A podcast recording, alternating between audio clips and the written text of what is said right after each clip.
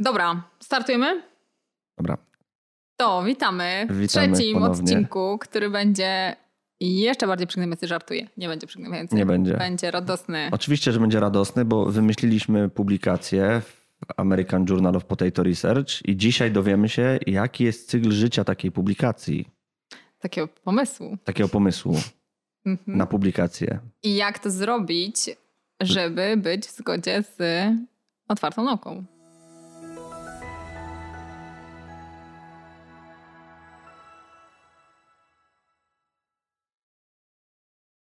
Ale teraz się zastanówmy, co to w ogóle znaczy, jeśli my tu mamy taki pomysł, że ta otwarta, transparentna, rzetelna nauka to jest nasz cel, to co to znaczy?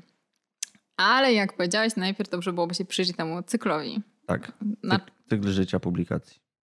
cykl życia badania, które być Pomy- może skończy się publikacji, tak. publikacją, ale być może nie. No więc co już mamy? Mamy w ostatnim pomysł. odcinku, tak, ustaliliśmy, że mamy super pomysł. Pomysł na badanie, jak ziemniaki zmieniają świat, Tak, a szczególnie szczęście. No i generalnie tak to się dzieje, że zazwyczaj na początku mamy jakieś pytanie badawcze, Mhm. jakiś pomysł, jakąś hipotezę, jeśli mamy oczekiwany kierunek, że te ziemniaki to jednak nas uszczęśliwiają, a nie unieszczęśliwiają. No i co dalej się dzieje? No dalej sobie planujemy to badanie, mm, przygotowujemy ten schemat badania, przygotowujemy materiały. Jeśli chcemy mierzyć poczucie szczęścia, no to e, przygotowujemy być może kwestionariusz, być może jakieś inne, bardziej wyrafinowane metody, jak to poczucie szczęścia zbadać, zmierzyć. E, No i co potem? Potem no zbieramy, Zbieramy. sobie dane. zbieramy dane, zbieramy osoby, które są w tym naszym badaniu. Um, robimy analizy, Dostajemy pięk, piękny dataset, robimy na nim sobie analizę. Robimy analizy, mm, piszemy raport Tak. z tymi wynikami. No i wysyłamy do, wiemy Przez- już gdzie, American Journal of Potato Research. dokładnie. Em, albo do Science może. Science. Potato Science. Albo po prostu Nature. Nature of Potatoes. Nature Reports Potatoes. Tak. Dokładnie. Gdzieś wysyłamy Gdzieś wysyłamy, razie. tak. E, I wracają recenzje, które nas odrzucają. No tak. E, Odrzuca najbardziej- nas e, Reviewer 2, bo to on jest takim przysłowiowym, co jest bardzo Albo dużo obydwoje. memów. Może i, i pierwszy, i drugi. Tak. Potem wysyłamy dalej, bo Do- się nie poddajemy. Dokładnie. Bardzo Bo- będziemy walczyli, ponieważ uważamy, że te nasze m, tak naprawdę badania, one wnoszą coś do, do Tak. naszej wiedzy o świecie i to jest wina tych złych recenzentów i złego procesu, procesu tak naprawdę, tak, e, e, procesu publikacji, który odrzuca, nie wiem, mniej ciekawe badania. Musimy wysłać je gdzieś indziej. To jest nie nasza wina. No to wysyłamy gdzieś indziej dostajemy Mm. kolejne recenzje. Znaczy możemy się też przejąć tym, co oni nam, nam napisali. Być może gdzieś mają rację, być może nawet, nawet, uwaga, być może nawet poprawimy coś pod O, wpływem tak.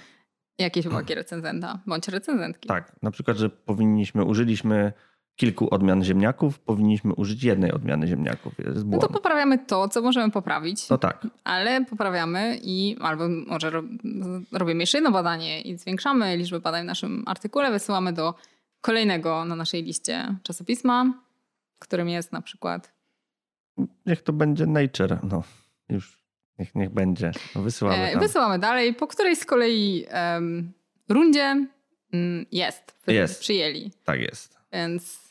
Cyzelujemy nasze e, zdjęcia do artykułu, kolorujemy e, ziemniaki Tak, i pojawia się artykuł. tak. I dwa tygodnie później pojawia się krytyka naszego artykułu. O nie, kolejny artykuł. Nie, coś napisali, że co my jesteśmy, Opinion. jak mogliśmy takie analizy i takie... No ale my się obrażamy i ignorujemy, bo mamy publikację. No tak. No nie. E, Bierzemy to poważnie i przygotowujemy odpowiedź na przykład na, tę No tak. na tą krytykę. Albo robimy kolejne badanie. I wracamy do pierwszego punktu, czyli mamy znowu pomysł na badanie, tak. znowu jakąś być może hipotezę, być może zmodyfikowaliśmy tą hipotezę pod wpływem tego, co ten krytyk nam powiedział i robimy, znowu zbieramy, przygotowujemy materiały, zbieramy dane i tak dalej. No I tak. dlatego mówimy o tym, że to jest cykl. Tak. Bo to się nigdy nie kończy. W międzyczasie być może przedawkujemy ziemniaki i wtedy się skończy, ale dopóki nie, to po prostu robimy, bo kochamy tą pracę. Tak, i chcemy rozwijać naukę o ziemniakach i szczęściu. Tak. No więc mamy cykl naukowy. No właśnie. E, I teraz, jak już wiemy, jak my byśmy to mniej więcej zrobili, Mhm.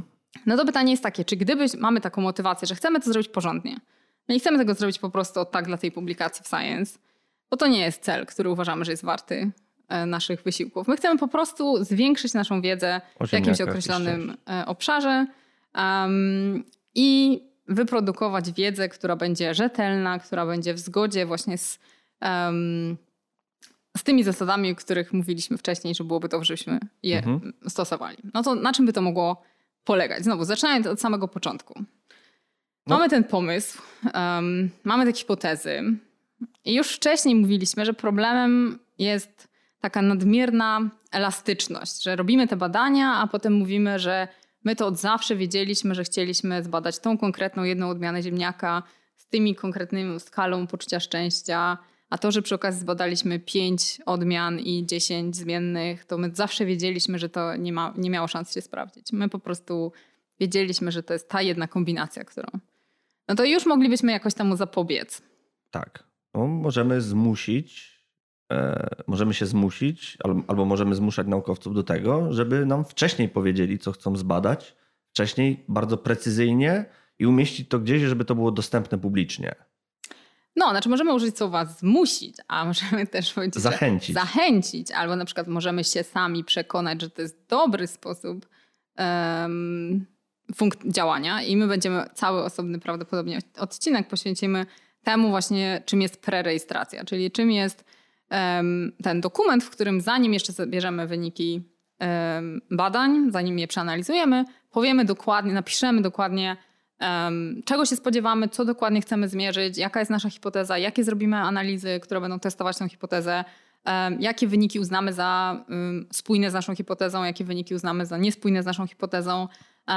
Jakby zadeklarujemy to wszystko wcześniej, po to właśnie, żeby zapobiec tej sytuacji, w której Później bardzo łatwo siebie samych przekonamy, że od zawsze wiedzieliśmy, że ten właśnie jedyny z 20 wyników to jest ten, którego się spodziewaliśmy. No tak, i prerejestracja jest w tej chwili tylko dobrą praktyką, na którą powiedzmy mo, mo, może środowisko naukowe wywierać wpływ, żeby dokonywać tej prerejestracji, bo tak w niektórych dyscyplinach jest.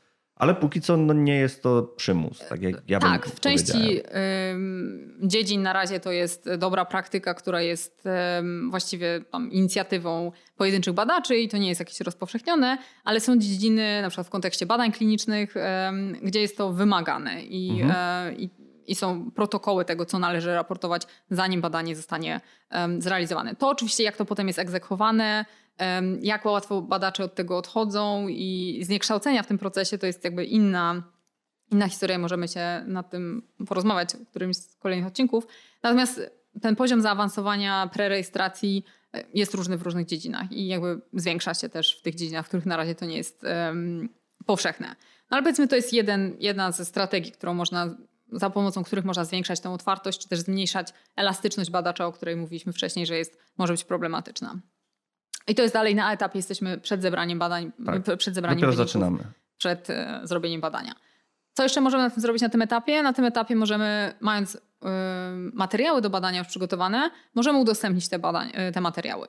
I teraz oczywiście pojawia się tu problem taki, y, że badacze się martwią, że ktoś im ukradnie pomysł na badanie. Mhm. Więc będziemy o tym mówić, jak się zabezpieczyć przed tym, żeby ktoś nie ukradł naszego pomysłu, a jednocześnie być otwartym na tym e, etapie udostępniania e, materiałów, udostępniania danych. Oczywiście materiały możemy też udostępnić już po zrobieniu badania.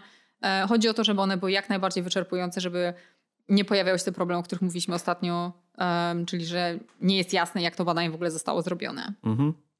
Bo zazwyczaj w artykułach nie ma tyle miejsca, żeby na przykład całą skalę, którą tego na przykład poczucia szczęścia, żeby ją umieścić. Jeszcze jeśli to jest tylko jedna skala, to nie jest problem, ale jeśli to na przykład było wiele E, wiele sposobów, e, wiele narzędzi, niektóre takie, których nie da się po prostu streścić w postaci nie wiem, skali, tylko bardziej to był zaawansowany proces pomiaru, no to wtedy udostępnienie mm, informacji o tym, dokładnej udostępnienie informacji o tym, jak to było zrobione, jest, jest przejawem tej otwartości. Taki ciekawy przykład mogę podać.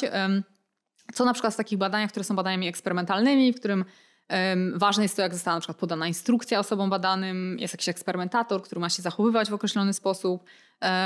To y, spotkałam się również z takim sposobem na zwiększenie otwartości w tym, mm, transparentności w tym procesie, e, że osoby badacze nagrywają na przykład, jak takie badanie wyglądało. Prawda? No mhm. To może być oczywiście jakiś podstawiony badany, bo nie chodzi o to, żeby tutaj łamać poufność, naruszać poufność danych, ale sam przebieg tego eksperymentu, co pokazuje wiele detali, których czasami nawet trudno zwerbalizować w opisie badania w, w artykule, to jest też jakiś pomysł na zwiększenie tej otwartości. Mhm. Czyli dbamy o to, żeby wszystko było wiadomo, dokładnie to, co robimy. No Dokładnie. dobra, czyli mamy pomysł. Ekshibicjonizm naukowy. No trochę tak. Czyli mamy tak naprawdę, w tej chwili jesteśmy jeszcze na etapie tego pomysłu, już sobie zoperacjonalizowaliśmy ten pomysł. Mm, mhm. Powiedzmy, dokonaliśmy prerejestracji. Wszyscy już, to znaczy już jest zakodowane, gdzieś został ślad po tym, co chcemy zbadać, no więc możemy startować z badaniem, tak? Mhm. Dobra. Możemy jeszcze też prerejestrować nie tylko e, tą hipotezę, ale też właśnie jak będziemy na przykład analizować mm, tak. konkretnie dane. Mhm. Mhm. No i faktycznie w tej prerejestracji nie dość, że faktycznie ma, nie dość, że mamy powiedziane, co chcemy zbadać, w jaki sposób też jakie zmienne dokładnie mhm. e, jakich zmiennych będziemy używali. No, zazwyczaj mhm. to jest kilka pytań, na które trzeba odpowiedzieć dotyczących badania mhm. i im więcej tam wrzucimy, tym lepiej będzie z perspektywy tej otwartości. Mhm. Le, le, lepiej później. No dobra, no to okej. Okay. Mamy, mam, mamy to puszczone, w sensie gdzieś mamy to zapisane, żeby nie było, żeby, żeby nas ktoś później za rękę nie złapał. No więc chcemy zbierać dane. Mhm. I teraz z perspektywy otwartej nauki, co chcemy sobie zrobić na etapie zbierania danych? No jakbyśmy chcieli być tak super otwarci. No jesteśmy super otwarci. Chcemy to zrobić bardzo, um, bardzo modelowo. No to... To, to, to będzie najlepszy artykuł, jaki zostanie przygotowany. Najbardziej otwarty artykuł. Najbardziej otwarty.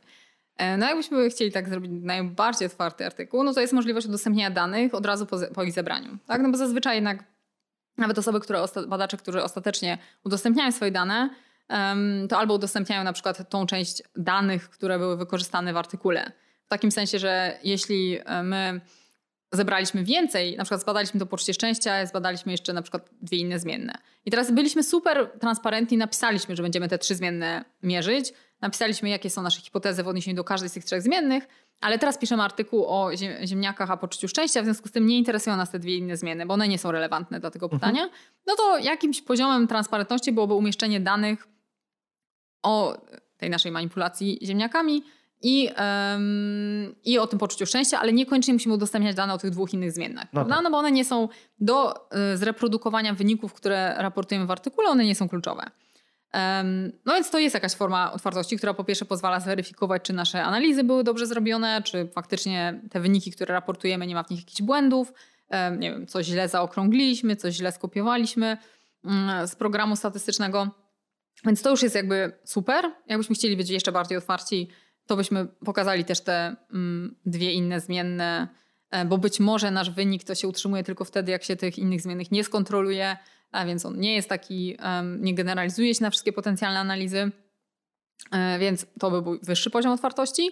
E, ale i tak zazwyczaj badacze to robią dopiero jak artykuł jest opublikowany. No tak. Czyli mm, przeszliśmy przez proces recenzji, hmm. został artykuł zaakceptowany, no i teraz razem z mm, artykułem publikujemy link na przykład do miejsca, w którym są nasze dane. Większym poziomem otwartości byłoby, gdybyśmy od razu po zebraniu umieścili gdzieś w jakimś repozytorium. No i oczywiście są zalety mm, takiego, mm, takiej strategii, które polegają na przykład na tym, że biorąc pod uwagę, jak długo trwa proces przechodzenia przez recenzję, pisania artykułu, e, no to od momentu zebrania danych do momentu ich upublicznienia razem z publikacją no mogą mijać lata. Więc jeśli upubliczniamy dane od razu w momencie, kiedy je zbieramy, no to szybciej wypuszczamy je w świat. Um, ale to się dzieje no, stosunkowo rzadko z wielu powodów, e, o których powiem osobno. Na, tak. y, będziemy mówić cały prawdopodobnie odcinek tylko o tym, kiedy udostępniać dane, jak udostępniać dane i jakie są z tym plusy i potencjalne minusy się mogą wiązać. Ale tak, no, gdybyśmy chcieli być super otwarci, to od razu jak je zbieramy, udostępniamy. Oczywiście pamiętając o kwestiach poufności yy, i potencjalnych problemach związanych z taką od razu tak. udostępnianiem danych. Dbamy o dobre udostępnienie danych, żeby to tak. było zrobione tak, żeby nie, nie generowało żadnych dodatkowych problemów. Tak, no i też jeszcze w kontekście dostępności e, danych, e, no to sam fakt, że my po prostu przeniesiemy nasz zbiór danych e, gdzieś online i upublicznimy, to jeszcze nie znaczy, że jesteśmy super transparentni.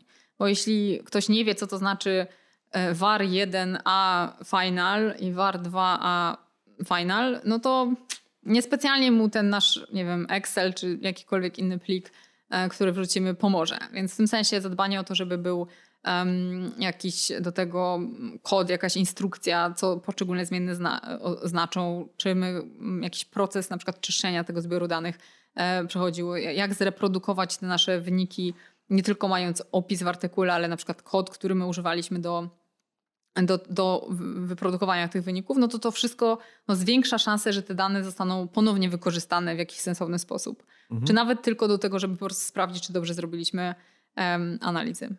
Mhm. No dobra, no to mamy dane, dokonujemy, my sobie dokonujemy tych analiz, mamy to faktycznie, mamy jakiś kod, kod też udostępniamy, bo chcemy to mhm. robić, zaczynamy pisać. Zebraliśmy dane, dokonaliśmy tych analiz, analiz, mamy konkretne liczby, zaczynamy pisać artykuł. No i teraz co na etapie pisania artykułu nas najbardziej interesuje? Samo pisanie chyba nie, no bo siadamy, zamykamy się, wymieniamy trochę maili albo to, to mm. krzyczymy na siebie, pisz szybciej. Wyznaczamy sobie deadline'y, mamy gotowy artykuł. Powiedzmy gotowy taki, z którego już jesteśmy mm. zadowoleni, który wydaje nam się, że możemy sobie gdzieś zgłosić do publikacji. No to co? Wrzucamy preprint. No, ale jeszcze zanim to, to ja bym powiedziała, że są jeszcze takie aspekty mm dobrej, rzetelnej nauki, które na samym etapie pisania artykułu, poza tym jak raportujemy wyniki, jak raportujemy metodę, mają znaczenie. Czyli na przykład to, jak y, opisujemy przeszłe badania. Mhm. E, I tutaj też są super ciekawe takie analizy z zakresu metanauki o tym, jak ludzie na przykład pomijają niewygodne cytowania przeszłych badań. Czyli rysują we wprowadzeniu taki obraz literatury, który na przykład powoduje, że ich badanie się wydaje bardziej nowatorskie. Mhm. E, I robią to zupełnie intencjonalnie nie cytując ludzi, którzy podobne badania zrobili wcześniej, albo cytując artykuły za innymi artykułami, co powoduje, że ostatnio widziałam jakieś analizy pokazujące, że procent cytowań, które są niewłaściwe, w tym sensie, że y, mają ilustrować zdanie, do którego się zupełnie nie odnoszą, e, to było jakieś około 10%. Czyli jakby ludzie cytują rzeczy, które albo są sprzeczne z tym, co, co piszą, e, że niby w tych artykułach się znajduje, no albo w ogóle są irrelevantne. Więc w tym sensie takie um, um, aspekty związane z rzetelnością, może niekoniecznie z otwartą, to nie jest kwestia jakiejś tam otwartej nauki, ale bardziej rzetelnej nauki, po prostu mhm. tego, że włożymy pracę w to, żeby do, dobrze reprezentować literaturę, czy wyciągać dobre wnioski. Też kwestia tego, jak na przykład jak piszemy dyskusję wyników, prawda, że zbadaliśmy powiedzmy... Yy, znowu wracając do tego przykładu, który obiecujemy się pozbyć od przyszłego odcinka, ale jeszcze go się wyeksploatujemy. Ziemniaki, a szczęście wśród mieszkańców Krakowa w 2020 roku e, z wyższym wykształceniem i mierzonych określoną skalą i mówimy Ziemniaki źródłem szczęścia. To jest tytuł naszego artykułu. Prawda? No i w jakimś sensie to jest nadmierna generalizacja, która no, powinna być czy to w tytule, czy w abstrakcie, czy w dyskusji podkreślone, z czego mogą wynikać ograniczenia tej generalizacji. Że, no, że jednak zbadaliśmy określonych ludzi, określonymi narzędziami, w określonym momencie, w określonym kontekście kulturowym. E, I to wszystko może powodować, że na przykład nasze wyniki nie będzie się koniecznie replikować w innym, w innym kontekście. Prawda? Więc w tym sensie to też jest ważny aspekt takiego rzetelnego procesu, co może potem powodować właśnie to, że te badania się nie replikują, że my przedstawiamy mm, badanie jako jakaś uniwersalna. Teoria szczęścia i ziemniaków. Dokładnie, nie? A potem się okazuje, że zrobione to gdzie indziej przez kogoś innego. E, I to w ogóle być może nie chodziło o ziemniaki, tylko o ten kolor talerzy, na których te ziemniaki były podawane. Więc, więc w tym sensie to jest warto wszystko właśnie przemyśleć w dyskusji. No ale dobra, mamy ten artykuł, więc powiedziałeś preprintach. Tak. Chciałbyś opowiedzieć, co są preprinty? Tak, czyli to, to jest taka wersja artykułu, która właśnie poszła do recenzji, jest w trakcie recenzji i którą upubliczniamy na jakimś otwartym portalu, gdzie wrzucamy takie artykuły, które nie zostały jeszcze opublikowane. Mm. Czyli w tej chwili tak naprawdę możemy publikujemy, znaczy upowszechniamy nasze badania tak troszeczkę dwutorowo. Znaczy mm. z jednej strony wrzucamy preprint, który może się okazać, że artykuł nie zostanie opublikowany, ten preprint zostanie zupełnie zmieniony albo nie, nie ukaże się nigdy. Mm. A druga, druga ścieżka no to jest oczywiście publikacja artykułu. I możemy mieć faktycznie y, taką sytuację, że mamy preprint wyrzucony gdzieś, później mamy opublikowany artykuł, one się trochę różnią. Mm. Zazwyczaj nie jakoś bardzo, bo jakimiś uzupełnieniami, albo te preprinty się po prostu uzupełnia później. Natomiast na etapie samego zgłoszenia wrzuca się i to ma tak, tak naprawdę y, jest jeden ważny czynnik albo jeden ważny mm, powód, dlaczego się tak robi.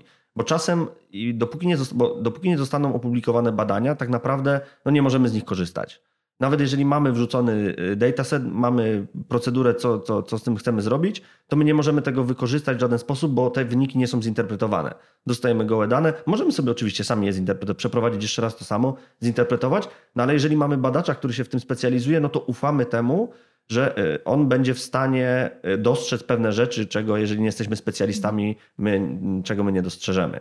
I teraz preprint ma za zadanie tak naprawdę rozpowszechniać tą wiedzę, przed publikacją, bo jak wiemy, proces publikacji może trwać długo, w sensie proces recenzji i do, do, mhm. do opublikowania e, może trwać długo. Oczywiście zanim zostanie, e, w sensie wiele czasopis tak robi, że zanim zostanie w określonym numerze tego czasopisma e, opublikowany oficjalnie z pełną, z pełną pompą dany artykuł, wrzuca się wersję, która została zaakceptowana i to oczywiście i to jest jak najbardziej uzasadnione. Natomiast bardzo często od momentu zgłoszenia do momentu zaakceptowania mija bardzo długi czas, a czasem no, te badania z jednej strony y, autor chce, żeby je rozpowszechniać, z drugiej strony może są pilne. To teraz mm. doskonałym przykładem jest, mm. w jaki sposób w czasie COVID-u wzrosła ilość preprintów wrzucanych mm. i to preprintów związanych z danymi i analizowaniem danych covidowych, mhm. tak, tak, sobie powiedzmy. Bo tych artykułów było, tych preprintów było mnóstwo. Część mhm. faktycznie się nie ukazała ostatecznie,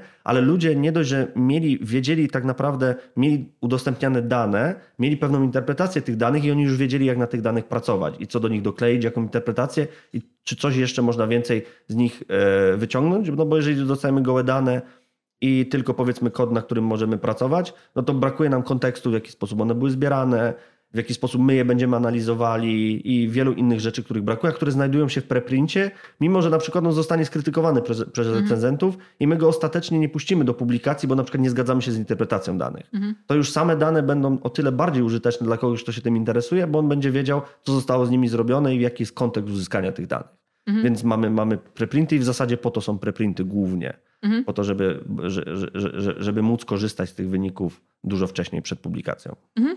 No, jest duża dyskusja wokół tych preprintów, bo one oczywiście mają absolutnie, ko- znaczy korzyść z tego jest taka, że jak najszybciej się dowiadujemy o, e, o wynikach i właściwie no, w moich oczach to ta korzyść przewyższa te koszty. Natomiast mhm. no, koszty są właśnie takie, że trafiają mm, szczególnie w takich kontekstach, jak e, kiedy temat jest bardzo gorący i kiedy jest szansa, że na przykład bardzo szybko dziennikarze się nim zainteresują. Um, no to mimo tego, że tam zazwyczaj najczęściej na pierwszej stronie jest informacja, że to jest tylko preprint, nie był poddany recenzji i, trzeba jakby uważnie się temu przyglądać, no to, y, no to jest szansa, że po prostu wyniki, które właśnie nie są zweryfikowane, um, a z drugiej strony, można powiedzieć, że z jednej strony nie są zweryfikowane, ale jeśli one wzbudzą zainteresowanie, to wtedy wzbudzą zainteresowanie nie trzech recenzentów, tylko setek osób, które wejdą na ten preprint, będą go bardzo uważnie czytać, sprawdzać, pytać o dane, co zresztą właśnie w kontekście tej pandemii i badań nad um, nad wirusem bardzo to było dobrze widać, że, że bardzo szybko, e, jeśli pojawiał się jakiś sensacyjny preprint, e, to bardzo duża liczba osób się od razu nad tym pochylała, identyfikowała jakieś problemy, od razu były jakieś komentarze do tego pisane, długie i, w jakimś sensie można powiedzieć, że e, była taka większa um, jakby wahania nastrojów, że tak powiem, wokół e, pewnych informacji, że dzisiaj się tym zachwycamy, jutro uważamy, że to jest, e, było beznadziejne badanie, za dwa dni widzimy, nie, nie, to jednak nie było beznadziejne badanie, ale, ale w jakimś sensie ten proces o wiele szybciej przebiega niż czekamy trzy miesiące na recenzję. Dokładnie, mamy, mamy pewną mobilizację, mobilizację ludzi zainteresowanych, mobilizację mm. środowiska naukowego i z tego fa faktycznie mm. potencjalnie mm. może wyjść dużo więcej, mhm. więcej dobrego niż, niż, niż e, złego. Także mhm. jak najbardziej preprint to, to, to, mhm. to, jest, to jest dobra rzecz. No, na tym etapie e, pisania artykułu i wysyłania go do recenzji, e, czy tam po tym, jak już przechodzi powiedzmy te recenzje, też aspektem od większej otwartości, transparentności jest, są otwarte recenzje. Mhm. Znaczy najczęściej to, co się obecnie dzieje, no to jest taki system, w którym artykuł ostatecznie po jakichś zmianach jest opublikowany w końcu gdzieś. Ale właściwie nie wiemy, które z tych zmian, znaczy jaką rolę w tym procesie na przykład odegrali recenzenci. E, I które na przykład z tych zmian de facto spowodowały, że artykuł jest gorszy tylko dlatego, że autor no, ugiął się przed jakimiś bezsensownymi um, uwagami recenzentów, um, a które na przykład uwagi sensowne recenzentów nie zostały, um, że tak powiem, zre zrealizowane, bo nie wiem, redaktor nie był wystarczająco i ostatnio był taki przykład artykułu, który ostatecznie został wycofany, ale takie miał bardzo mocne mm, tezy i takie kontrowersyjne, e, na poparcie których wcale nie miał dobrych e, dowodów, ale e, artykuł został ostatecznie opublikowany. ale recenzenci, którzy byli zaangażowani w ten proces, którzy zwracali uwagę na te problemy z tym artykułem, które nie zostały ostatecznie zaadresowane, ja nie wiem, czy to, jest, czy to był system w tym akurat czasopiśmie, który pozwalał upublicznić też recenzję. W jakim sensie widać wtedy całą jakby złożoność tego procesu. Czyli, że jest artykuł, który, nie wiem, oburzamy się, bo jak to jest, że coś takiego przeszło przez recenzję, ale widzimy na przykład poprzez jawność recenzji, e, że recenzenci też zwracali uwagę na te błędy, tylko te błędy nigdy nie zostały poprawione. Mm, I w jakim sensie wtedy to nie jest, e, znaczy lepszy obraz całości możemy uzyskać wtedy, kiedy ten proces jest właśnie taki bardziej um, mamy bardziej transparentny. Plus to pokazuje coś, co myślę, że się będzie tutaj przebijało przez cały ten podcast, że nauka jest procesem społecznym. Mhm. To znaczy, że możemy mieć dobre pomysły, mamy dobrą jakąś metodę, sposób um, dochodzenia, budowania tej wiedzy, ale że w jakim, sposób, w jakim sensie to jest wiedza, która się wykuwa w procesie jakiejś dyskusji. Tak? Że ktoś kogoś usiłuje do czegoś przekonać, ktoś kogoś pod wpływem jakiejś perswazji zmienia coś. I teraz on może to zmienić na lepsze i ten proces może doprowadzić do ulepszenia wyników, ale to wcale nie musi tak być. I w tym sensie im większe wiedzę mamy o tym, jak ten proces wygląda i w jakim stopniu on jest determinowany merytorycznymi uwagami, a w jakim stopniu na przykład jest determinowany właśnie, nie wiem, jakimiś czynnikami związanymi z statusem, hierarchią, doświadczeniem, ekspertstwem, pseudoekspertstwem, to, to jest jakby ciekawe i warto o tym po prostu pamiętać. Mhm, tym bardziej, że nie ma czegoś takiego jak zunifikowany paradygmat dla każdej nauki tylko ludzie się różnią się podejściem i kwestionują, i zarówno kwestionują metody, jak i sam ogólne teoretyczne, mhm. mm, znaczy wyjściowe założenia, jakie przyświecają na przykład publikacji danego artykułu. Mhm. I czasem się można faktycznie pokłócić z recenzentem o to. Jak recenzent jest spoko, on to powie, że bardzo dobra dyskusja e, w recenzjach, proszę to puścić i, i pamiętajmy mhm. o tym. A czasem recenzent jak się ugnie, no to bywa tak, że nie publikujemy tego, dlatego że on po prostu nie popiera takiego sposobu podejścia do zagadnienia zwyczajnie. Mm -hmm. Zresztą o procesie recenzji na pewno będziemy więcej ro mm -hmm. robili, bo to mówili, bo to jest chyba jedna z tych rzeczy, która bardzo rozpala z, z, z wszystkich naukowców e, opowiadanie o tych złych recenzentach. No, jakich złych recenzentów? um, dobra, ale to kończymy już prawie że ten cykl, czyli kończymy, tak. mamy, mamy artykuł, opublikowaliśmy. opublikowaliśmy, no i tutaj wydaje się, że dla większości osób proces się kończy. Tak. No dobrze, zaopublikowaliśmy odhaczone, po prostu otwieramy szampana, koniec, zabieramy się za nowy projekt. Tak. Um, no i pewną irytacją mogą zareagować na informację, że inni nie traktują tego jako skończonego projektu, i mają pytania, mają, chcą dopytać, jak to ta skala była użyta, czy na pewno to tak powinno zostać przeanalizowane. O, a my tu zrobiliśmy replikację i ta replikacja to pokazuje coś zupełnie innego.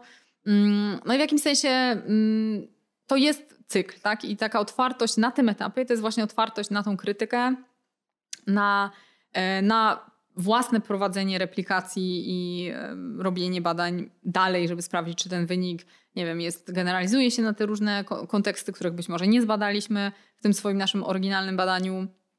E, I jakby traktowanie tego jako elementu procesu, a nie skończonego dzieła, które wstawiamy na półkę i już teraz od zawsze wszyscy będą wiedzieć, że to tak ma być i tak odkryliśmy. Więc, więc wydaje mi się, że ta otwartość polegająca też na reakcji, na krytykę, E, I mamy przykłady z ostatnich lat osób, które, badaczy, badaczek, które reagowały na tą krytykę niekoniecznie najbardziej pożądany sposób i e, jakby ta sytuacja się wtedy zaogniała, e, no to pokazują, że to jest też ważny, ważny element tego mhm. procesu. No dobra, no to przeszliśmy proces publikacji, już jesteśmy szczęśliwi. No i teraz mm, to jest jeden z aspektów, takich dużych aspektów tego, gdzie się pojawiają jakieś zmiany albo są jakieś kierunki. Mhm E, albo jakiś kierunek e, powiedzmy zwiększania tej otwartości nauki. No ale teraz, e, jeżeli mamy na poziomie takim powiedzmy publikacji, to czy pojawiają się też, nie, nie pojawiają się też przypadkiem takie zjawiska, które dotyczą tak naprawdę całej infrastruktury związanej z zatrudnianiem naukowców, z finansowaniem badań i rzeczami podobnymi do, do, do tego. Mhm. E, tak, znaczy jeden w ogóle w tym ruchu takim reformatorskim -hmm. powiedzmy zwraca się uwagę na to, że no trzeba, jeśli chcemy wywołać zmiany w kierunku tej większej otwartości, transparentności i rzetelności, no to trzeba zaadresować te punkty, gdzie tak naprawdę um, albo są, wchodzą w grę pieniądze, albo wchodzi w grę status, albo wchodzą w grę jakieś nagrody, właśnie wzmocnienia. Więc tak jak powiedzieliśmy, publikacja to jest jeden z tych obszarów, mhm. ale inny to jest zatrudnianie osób um, i przyznawanie pieniędzy na granty.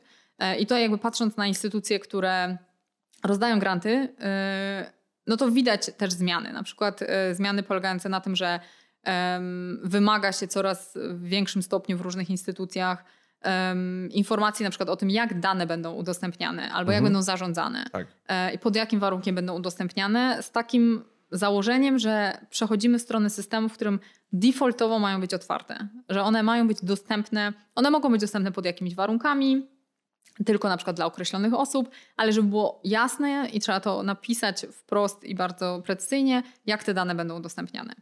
Um, to oczywiście też wiąże się z ochroną danych yy, jakichś wrażliwych, ale, ale nie tylko. Też po prostu z możliwością wykorzystania ponownego danych. No bo wiadomo, że jak jesteśmy instytucją przyznającą pieniądze na granty, yy, przyznającą pieniądze w formie grantów, to chodzi nam o to, żeby te pieniądze były jak najlepiej wydane. I teraz wydanie pieniędzy na dane, które będą doprowadzą do jednego artykułu, a potem będą zamknięte gdzieś mm, w szafie już na zawsze i nikt inny z nich nie skorzysta, to nie są to najlepiej wydane pieniądze.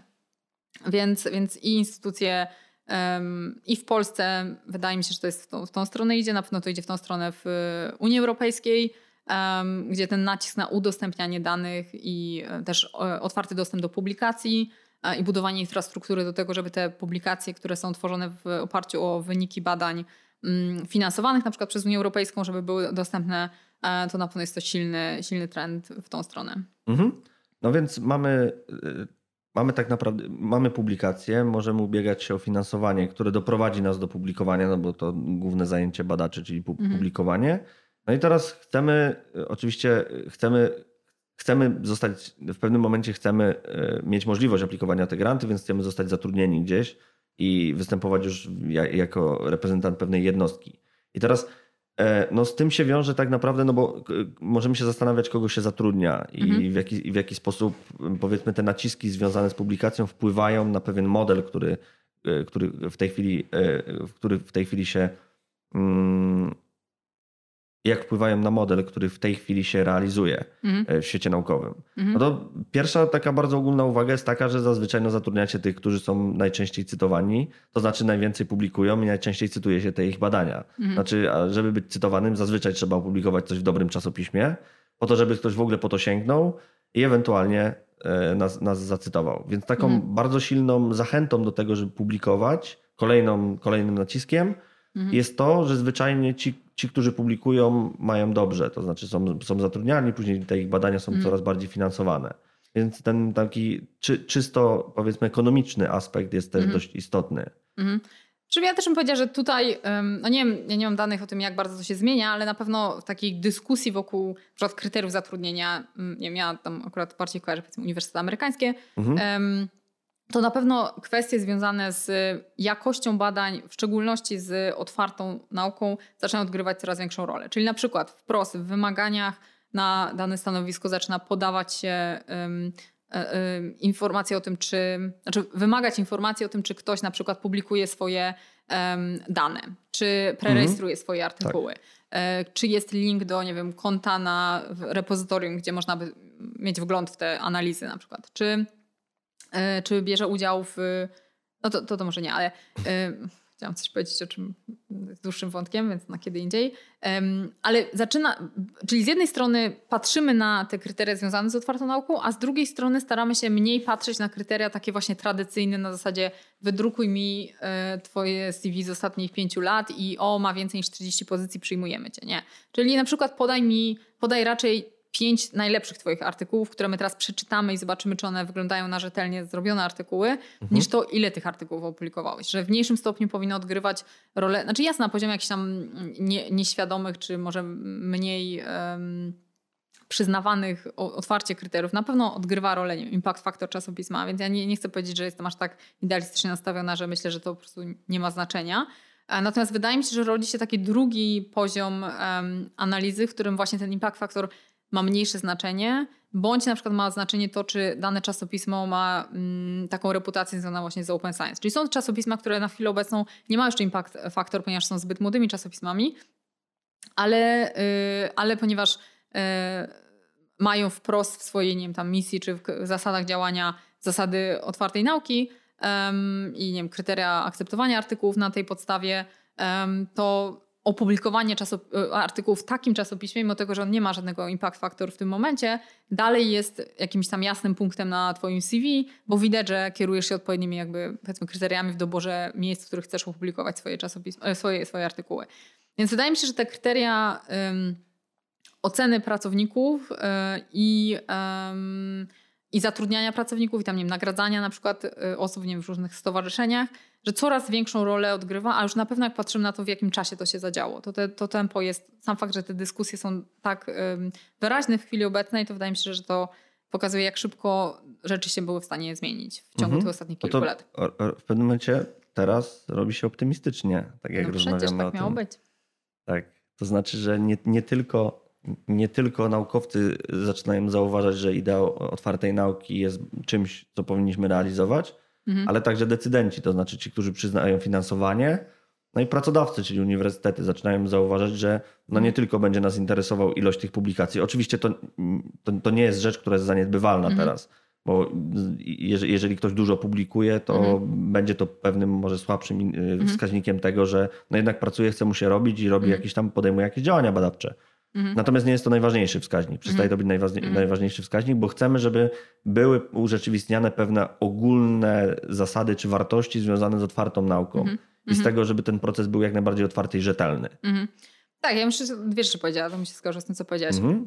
Jedna jest taka, że te, wcześniej mówiliśmy o udostępnianiu danych, prerejestracji jako takie indywidualne decyzje e, naukowca, bo chce być lepszym, bardziej otwartym, transparentnym mhm. naukowcem. Ale to są też decyzje, które są w jakimś sensie wymuszane przez czasopisma. I to też jest dobry jakby trend, czy, mm, który warto podkreślić, że takie topowe czasopisma coraz częściej po prostu wymagają tych rzeczy. To znaczy, że trzeba wprost na przykład zaznaczyć, um, jeśli nie chcesz udostępnić swoich danych, to uzasadnij. Dawniej mhm. był taki system, no można było napisać, jeśli ktoś będzie chciał dostęp do danych, um, to niech do mnie napisze. I to było wystarczające. Tak, a albo teraz, wrzucam gdzieś na jakąś tak, platformę. A teraz y, uzasadnie, ba, muszę uzasadnić, jeśli nie chcę udostępnić danych. Albo muszę napisać, nie prerejestrowałam badania. Czyli jakby zmienia się to też takiej perspektywy mm, nudżów i e, po prostu e, nudży. Na, na, e, bodźców. Bodźców. Tak, bo takie jest oficjalne tłumaczenie. Dobrze, nudge. bodźców. Um, czyli zachę o, zachęt może zachęt. na przykład, to jest dobre słowo. Nie, nie, przepraszam, nie bodźców, impulsów. Mhm. Ty, tytuł książki, tłumaczenie, mhm. tłumaczenie książki to impuls. Dobrze, więc Ale to może sobie być... sprawdzimy później. Tak. E, ale o co chodzi? Chodzi o to, jakie są... Um, um, tak, te zachęty tak, do podejmowania tak. pewnych, pewnych Czyli w działań. tym momencie taki wyjściowy um, jakby schemat jest taki, że trzeba udostępnić dane i dopiero trzeba uzasadnić, jeśli nie mogę ich udostępnić. Raczej powinnam prerejestrować, więc muszę zaznaczyć, że nie prerejestrowałam raczej udostępniam swoje materiały, więc jeśli nie chcę udostępnić, to muszę to uzasadnić.